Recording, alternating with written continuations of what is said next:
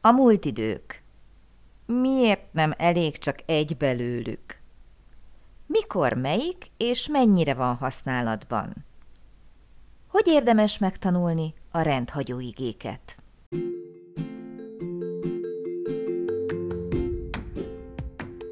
Sziasztok! Én Lupán Ági vagyok, és ez itt a Nyelvtanulás Hatékonyan, a Lupán Német Online Podcast csatornája minden hétfőn. Hogyha kiköltöztél német nyelvterületre, ha hatékonyan, könnyedén, sikeresen szeretnél nyelvet tanulni, hogyha használható, gyakorlatias tippeket szeretnél, akkor hallgass minket hétről hétre hétfő esténként.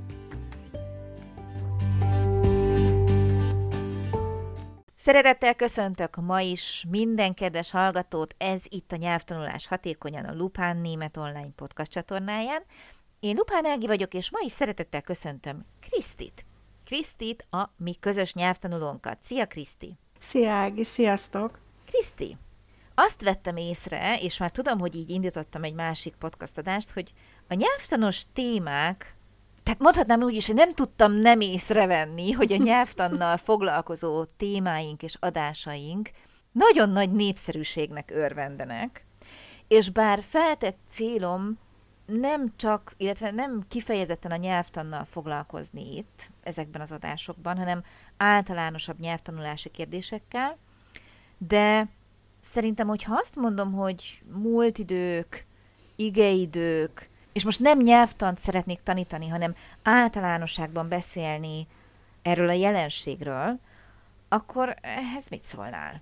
Hogyha van téma, illetve van egy nyelvtani rész, amit nem szeretek, akkor azok a múlt idők. Uh-huh. Iszonyatosan nehezen verem bele a fejembe, egyszerűen fel nem foghatom, hogy mi szükség van ennyi múlt időre, ráadásul mondjuk egy mondaton belül akár két félére, uh-huh persze fel tudom fogni, meg tudom érteni, de nem szeretem. Ezt tudom hozzászólni. Érdekes, érdekesnek tartom, ugyanis ugye összehasonlítva a másik nyelvvel, amit tanítok, az angol nyelvvel, a német a múlt időt tekintve kismiska, de még a jövő időt tekintve is. Ugyanakkor, ugyanakkor tudom, hiszen én is valamikor ugye elkezdtem nyelvet tanulni, hogy azért ez nem ennyire egyszerű, mint ahogy mondjuk összehasonlítva az angollal, a német mondjuk egyszerűbbnek tűnik, nem egyszerűnek, egyszerűbbnek tűnik. Vajon mitől olyan nehéz? Én azért közben már gyártottam ilyen elméleteket, hogy mi lehet az oka, de kíváncsi lennék a te véleményedre, a te nyelvtanulói véleményedre. Hmm, hogy mitől olyan nehéz, hát így konkrétan nem fogom tudni megmagyarázni, egyszerűen számomra sok. Kiválasztani azt, hogy mikor mi a megfelelő, mikor melyik a jobb, mint a másik, hogy mikor melyiket kell használni. Megmondom őszintén, hogy én minden esetben a perfekt alakot használom. Egyetlen egy szót leszámítva, amit viszont mindig ö, preteritum alakban használom. Melyik az az egy szó? A denken. Biztos, hogy csak az az egy szó az, amit így használsz? Igen. Oké, okay. megcáfolhatlak? Csak így látatlanban is? Igen.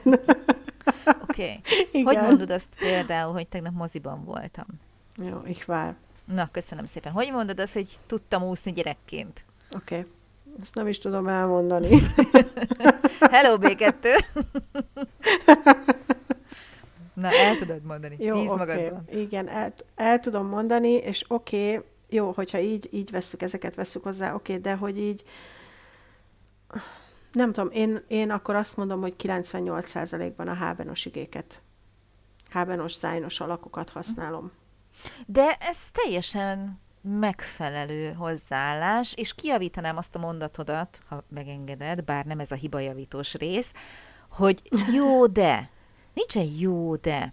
Jó, ez így pont jó. Mármint, hogy te a perfekt alakot használod, ezt az összetett múltidőt a háben vagy zájn segédigével, és nem de, és vannak olyan igék, lásd ugye, vagy a denken, vagy a zájn, vagy a módbeli segédigék, amiket amúgy, már csak a gyakoriság véget is ugye az elbeszélő múltbeli alakjukkal szoktuk használni múlt időben. Ennyi. Tehát öm, nem mondanám szabálynak, hanem inkább azt mondanám, lehet, hogy azt mondom, hogy szabály is, de így beszélnek a németek. Tehát öm, a beszélt nyelvre, a mindennapi kommunikációra, mert persze írásban is kommunikálunk, a perfekt a jellemző. Ezt kell használni. Nincs igen, uh-huh. de, tudom, de igen, de... igen. Például számomra az már tök zavaros, illetve nem tök zavaros, most már így azért kezdem fölfogni, de az elején teljesen meg voltam lőve, hogy mikor és miért kell használni a plusz perfectet. Uh-huh. Most már tudom, tehát a szabályt tudom mögé, hogy miért de akkor sem értem, hogy miért kell. Ugye a plusz perfect az az előidejűség, a régmúlt, de értem a problémád lényegét, mi a bánatnak van három darab múlt idő a németben, amikor Igen. ugye magyarul elég, és tök jól boldogulunk egy múlt idővel is.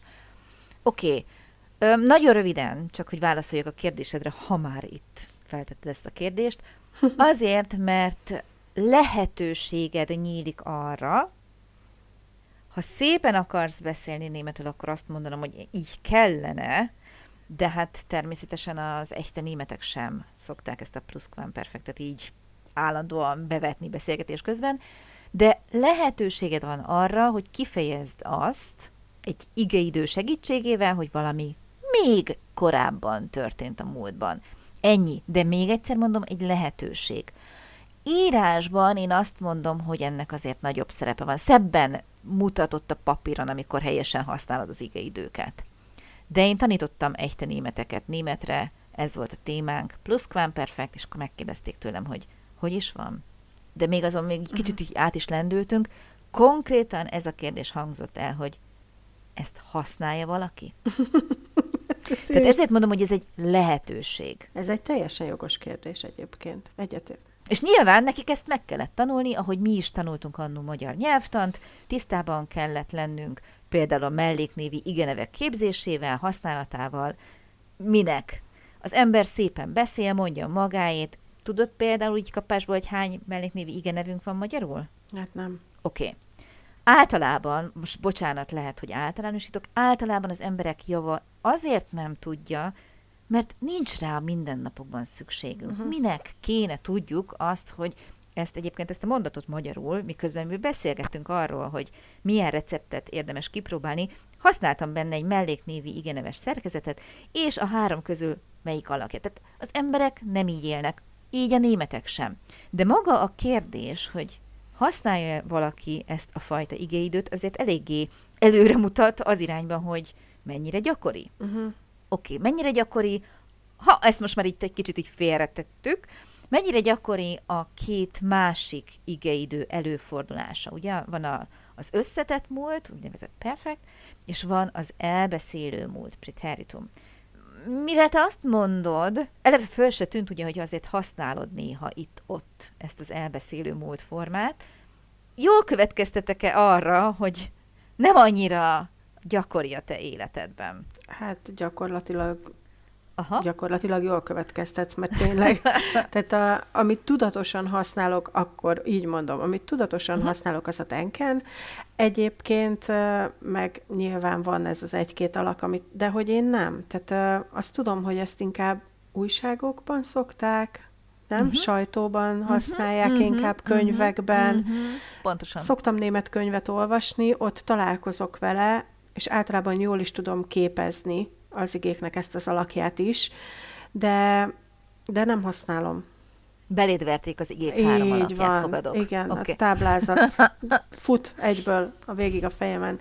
Tehát, hogy így, de nem használom. Pedig emlékszem, hogy amikor kijöttem, és elkezdtem itt élni, akkor azt mondtam, hogy már pedig én csak ezt az alakot fogom használni, minek nekem még megtanulni azt is, hogy hábenos vagy zájnos az az ige. Mennyivel egyszerűbb csak ezt az alakot használni, és mégis leszoktam róla. Rá se szoktam, igazából. Vannak emberek, akik passzióból használják, beszéltem egy-kettővel, és azt mondják, hogy azért, hogy egy kicsit visszahozzák a nyelvbe a már kikopott, kikopás alatt álló formákat, ugye az igei formákat, szavakat, és akik ezt hallgatják, nagyon örülnek neki, mert egyszerűen egy picit színesebb lesz a beszéd, hogy végre valaki próbál igényesebben beszélni. Ugyanakkor, amikor én ezt a sztorit hallgattam, akkor felmerült bennem, hogy vajon mennyire helytálló ez, amikor ugye ez a fajta múltidő az írásos múltidő, és akkor én ráerőltetem az én mindennapi szóbeli kommunikációmra, de hát a németek ugye örültek annak, hogy végre valaki egy kicsit visszahozza az elfeledett szavakat, igéket, alakokat, de nem véletlenül írásban van ez. A szóbeli kommunikációra az a jellemző, hogy gyors. És attól lesz gyors, ugye, hogyha minden nap gyakoroljuk, minden nap használjuk, tehát a leggyakoribb változat. Nem attól, hogy rövidebb. Uh-huh. Ugye az elbeszélő múlt egy igéből áll, az összetett múlt meg legalább ugye kettőből. Nem ettől lesz gyorsabb. Attól lesz gyorsabb, hogy mit gyakorolsz be. Mi az, ami gyorsabban eszedbe jut, gyorsabban tudod használni. Igen, és hát mivel szépen megfogalmazva a csapból is a perfekt alakt folyik, uh-huh. innentől kezdve tényleg nagyon össze kell magát szednie annak, aki azt mondja, hogy már pedig én akkor is a préteritum alakot tanulom meg, és már pedig csak akkor is csak azzal fogok beszélni. Tehát ez meg lehet nyilván csinálni, csak több gyakorlást igényel, több koncentrációt igényel azért. És ugyanúgy szerintem. tudnia kell a másikat, igen. hiszen hozzá nem így fognak hozzászólni. Igen, igen, igen. Jó. Amikor én arra gondolok, hogy problémás a múlt idő németül, azon túl, hogy miért van három. Minek tanuljuk meg, amikor nem is használják. Ami még probléma szokott lenni, és nekem ez volt a problémám, amikor én tanultam, hogy mi a bánatért áll egymástól ennyire messze ez a két ige, ami összetartozik. Múlt időt képzünk egy igéből úgy, hogy kettő részre szedjük, egy segédigére, ugye az előbb említett Háben vagy a Zány, plusz még ott van az igének a múltidei alakja, tök jó, és jól eltávolítjuk őket egymástól, az egyik kerül a második helyre, a másik pedig a mondat legvégére, és ez az, ami szerintem minden németül tanuló nyelvtanulót megőrjít eleinte, hogy hogy a bánatban nem fogom elfelejteni a mondat végére, hogy mit akartam a mondat elején. Ez is volt már téma, mm. de itt nem tudom kikerülni, hogy megint fel ne hozzam, mert engem annó, amikor tanultam, ez bosszantott leginkább. Nem azt, hogy melyiket kell használjam, a preteritumot, vagy a perfektet, vagy a pluszkván-perfektet, hanem, hogy miért kerül ez ennyire messzire egymástól. Most erre tőlem vállal a választ? Nem, ja, jó. hanem meg szeretném kérdezni, hogy te szintén átélted-e ezt? De hát tudom a választ, mert erről már beszéltünk. Igen, átéltem, uh-huh. de mhm. nekem segített, mert hogy én úgy gondoltam, uh-huh. hogy van addig időm kitalálni, hogy hogy is lesz az a helyes uh-huh. forma ott a legvégén annak az igének. Nekem, uh-huh. nekem az segített. Okay. És hogy állunk ahhoz a témához, hogy vannak a rendhagyó és a nem rendhagyó igék? Tudtam, hogy ez is szóba fog kerülni. Zseni vagyok, azért tudtam uh-huh. egyébként. Szerintem egyébként nagyon szörnyű. Tehát minden viccet félretéve az ember nagy nehezen megtanulja ezeket az igeidőket, meg az alakokat, meg minden egyebet, és akkor van az, hogy igen, de vannak kivételek. És akkor jó.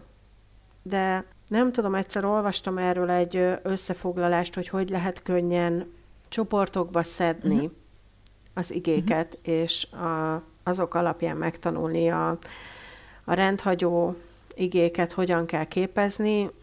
Hát, nekem ez ilyen megérzés, ami jól hangzik. Uh-huh. Kb. úgy De mondom. mit csinál az, aki nem hallja, és nem tudja ez alapján megítélni, mert nem tudja azt mondani, hogy ez jól hangzik, mert nem hallja. Neki nem hangzik Szerint sehogy. Szenved. Szenved. Szenved, gondolom. Oké, okay, megoldás szenvedés. Meg kell neki, ta- meg kell neki tanulni. Uh-huh. Van az igéknek három csoportja, hogy be lehet őket múlt idő szerint csoportosítani. Ugye van a gyenge, az erős és a vegyes ragozás. Hú, ezek ismerős szavak. Meg Igen. Uh-huh. Oké. Okay. Jó, amikor te beszélsz, végig gondolod azt, hogy ez most vegyes, vagy erős ragozású? Nem. Nem, ugye? Szerintem sem. Tehát az én megközelítésem, német óra következik, kedves hallgatók, az én megközelítésem, hogy tök mindegy, hogy ez most vegyes ragozás, vagy erős ragozás, ha rendhagyó, azt kell tudnom, két csoport van. Vagy rendesen képzem a szabály szerint ugye, hogy G és egy T, vagy megtanulom a megfelelő uh-huh. alakot. Pont.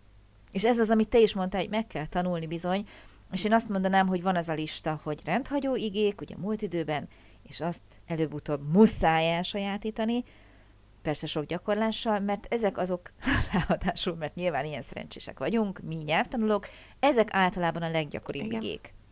Tehát nyilván belekerültek ebbe a csoportba, hogy nehogy ne lehessen egy-kettőtől eltekinteni. A legtöbb igét meg kell tanuljuk úgy, hogy nem úgy képzik a multidejű alakjukat, ahogy egyébként szabályos lenne, szabály szerint ugye itt akkor ezt és ezt oda teszem, elveszem, stb. Nem, meg kell tanulni a szabálytól eltérő alakot. És akkor szerintem egyéni vélemény már tök mindegy, hogy azt tanulom meg, hogy az eltérés szerint most itt egy T van a végén, vagy egy EM, mert egyébként ez a különbség, nem, hanem meg kell tanulni, hogy más. Igen, erre mondom, hogy olvastam erről egyszer valamit, hogy ha IE van a szóba, például a Fliegen, de például a Spielen. Na mindegy, nem tudom mm-hmm. már, nem tudom, tehát persze ott is vannak kivételek biztos, nem tudom. Tudom, hogy erről egyszer olvastam valamit. Szerintem ennél egyszerűbb magyarázatot, hogy tanuld meg Nincs, a igen. Igéket. Csak hogyha valakinek van arra inkább kapacitása, hogy a kivételekre hozzon magának egy szabályt, vannak egyébként ilyen szabályok, hogy ha már rendhagyó, akkor Igen. milyen örökös visszatérő uh-huh. szabályok, például, hogyha i, e, akkor, ha e, i, akkor.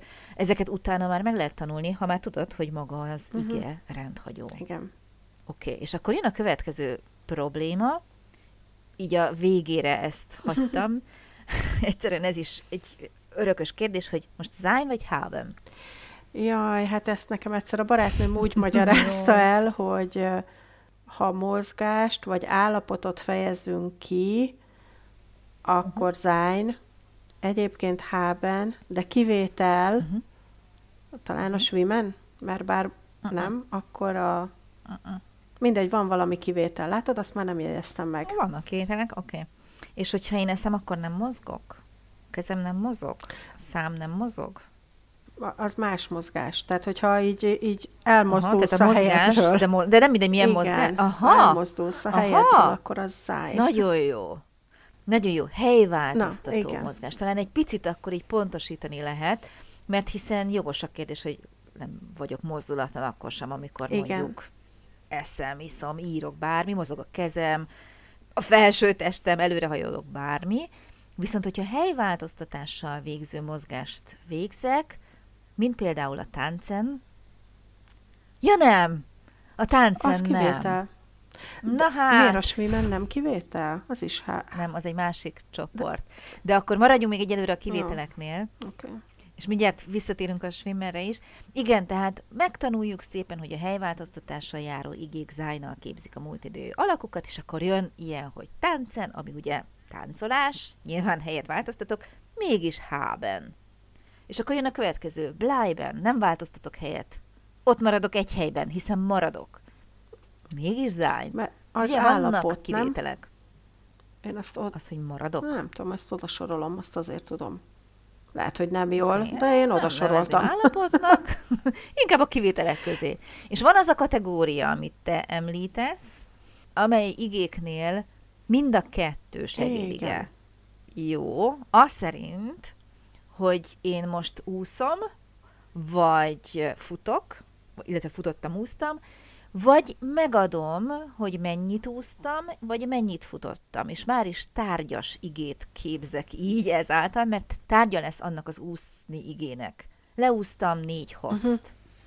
Lefutottam öt kilométert. Ja, tudtam, hogy valamiért a swimen kivétel. Tárgyas uh-huh. ige, és a tárgyas igéknek ugye a hában a múlt idejű alakja, és, mivel mondtam, hogy ezzel zárom, szeretném egy olyan kiegészítő információval zárni ezt az adást, hogy a tárgyas igéket ugye Hábennel képezzük, tehát, hogyha én leúszom 5 host, lefutok 5 kilométert, akkor Háben lesz.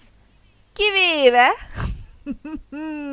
nyilván nem gondoltuk, hogy nincsenek kivételek, kivéve, hogy olyan területen él az ember, ahol azt mondják a németek maguk is, hogy ahogy fogok én megkülönböztetni az mindig zány lesz.